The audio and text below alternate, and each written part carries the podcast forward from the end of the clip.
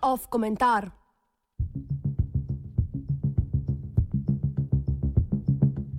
O treh okroglih obletnicah.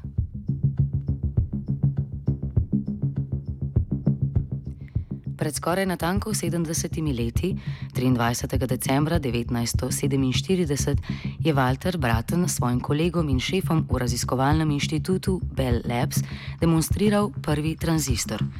Za izum tranzistorja je skupaj z Johnom Bardinom in Williamom Šokljem slabih deset let kasneje prejel Nobelovo nagrado za fiziko.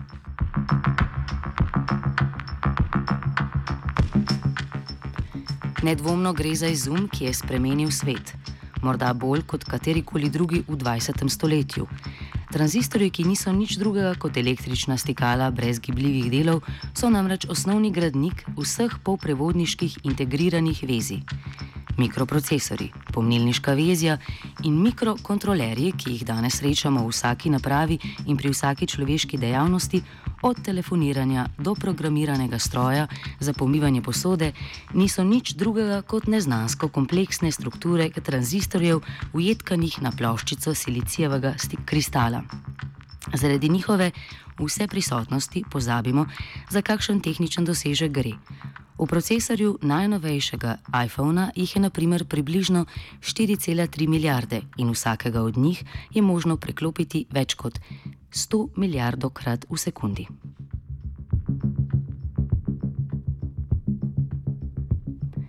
Bell Labs, kjer je bil tranzistor izumljen, je bila organizacija brez para.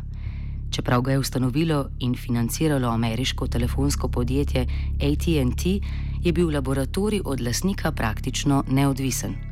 Ustanovljen je bil namreč na zahtevo ameriške vlade, s katero je ATT sklenil dogovor o njegovem monopolnem položaju na področju telefonije. S tem dogovorom je ATT postal državno reguliran monopol, kar mu je zagotavljalo visoke in stabilne prihodke. V zameno je ustanovil in financiral raziskovalni inštitut. Po letu 1956 je vlada podjetje prisilila tudi, da ponudi svoje patente javnosti. Nove patente pa je moralo dati na prodaj po nizki ceni. V petih letih po izumu tranzistorja je patent po ceni 25 tisoč dolarjev kupilo več kot 40 podjetij. Njihovi predstavniki pa so bili ob tem deležni tudi devetdnevnega simpozija o tehnologiji, vključno z ogledom najsodobnejše tovarne.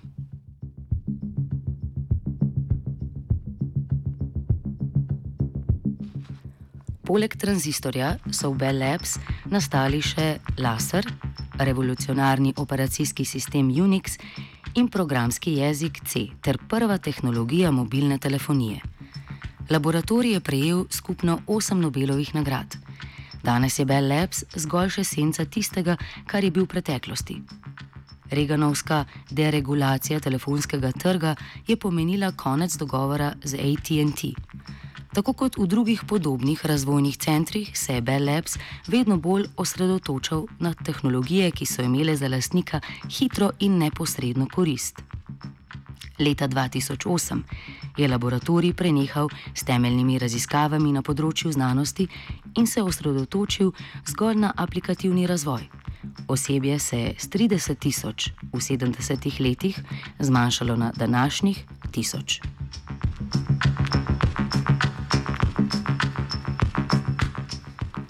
30 let po izumu tranzistorja so na trg prišli prvi praktični osebni računalniki. To so bili Commodore 5, Tandy TRS 80 in najslavnejši Apple II. Izdelava poceni osebnih računalnikov je omogočil razvoj velikih integriranih vezij, tehnologija za katere je bila razvita po državnih naročilih.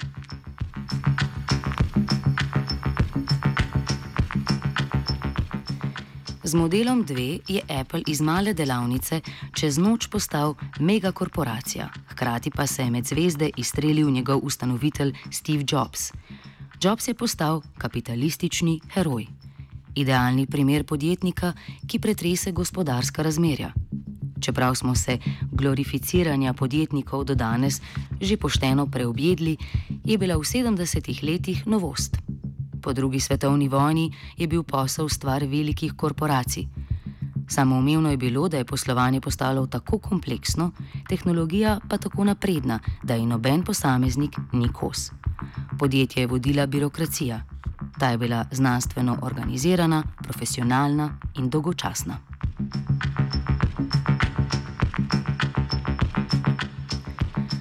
Jobs in drugi milijonarji Silicijeve doline so obudili lik podjetnika inovatorja, ki je bil kapitalistični heroj že v 19. stoletju. Ljudje kot Andrew Carnegie, Werner von Siemens in Henry Ford so bili zastovonoše svoje modernosti.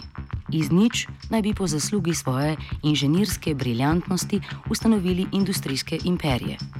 V 60-ih letih je bila takšna podoba podjetnika odločno arhajična in nihče ni mislil, da je denimo direktor IBM-a tako kul, cool, da bi o njem veljalo izdati biografijo z velikim portretom na platnicah.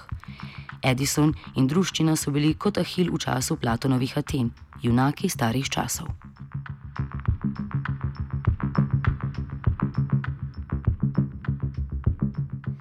Stevom Jobsom, Billom Gatesom ter danes Markom Zuckerbergom in Elonom Muskom je kapitalizem dobil izjemno močan simbolni argument. Ni samo postal kul. Cool. Na sceno je stopil posameznik, ki je v dejanju najbolj divje obljube kapitalizma. Za človeka, ki je bister, predan in delaven, obstaja pot tudi z dna povsem na vrh.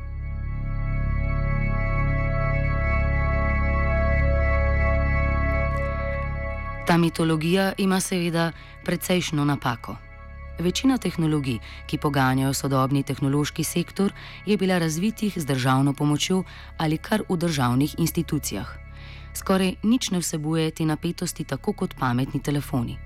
Septembra je minilo deset let od predstavitve prvega iPhona. Njegova predstavitev je pomenila vrhunec vrnitve Steva Jobsa v Apple. A praktično nobena tehnologija, ki je naredila to napravo uporabno, se ni začela v zasebnem sektorju.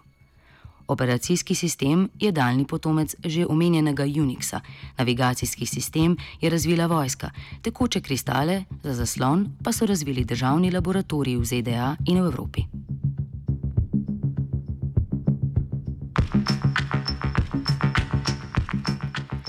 Zgolj država si lahko privošči stopiti izven poslovne logike ter nase prevzeti dolgotrajne in drage raziskave, ker je uspeh vprašljiv, na to pa uspešne rezultate deliti z javnostjo v imenu občega dobrega.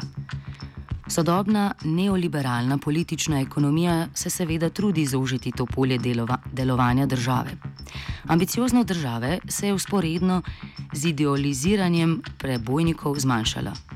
Inovacije, ki jih ponujajo današnji samorogi, kot so Uber in Airbnb, so inovacije v izmikanju regulacije in izkoriščanju delovne sile. Nič čudnega torej, da se je v zadnjih 30 letih rast produktivnosti in z njo gospodarstva na Zahodu začela ustavljati, po finančni krizi pa praktično stagnira.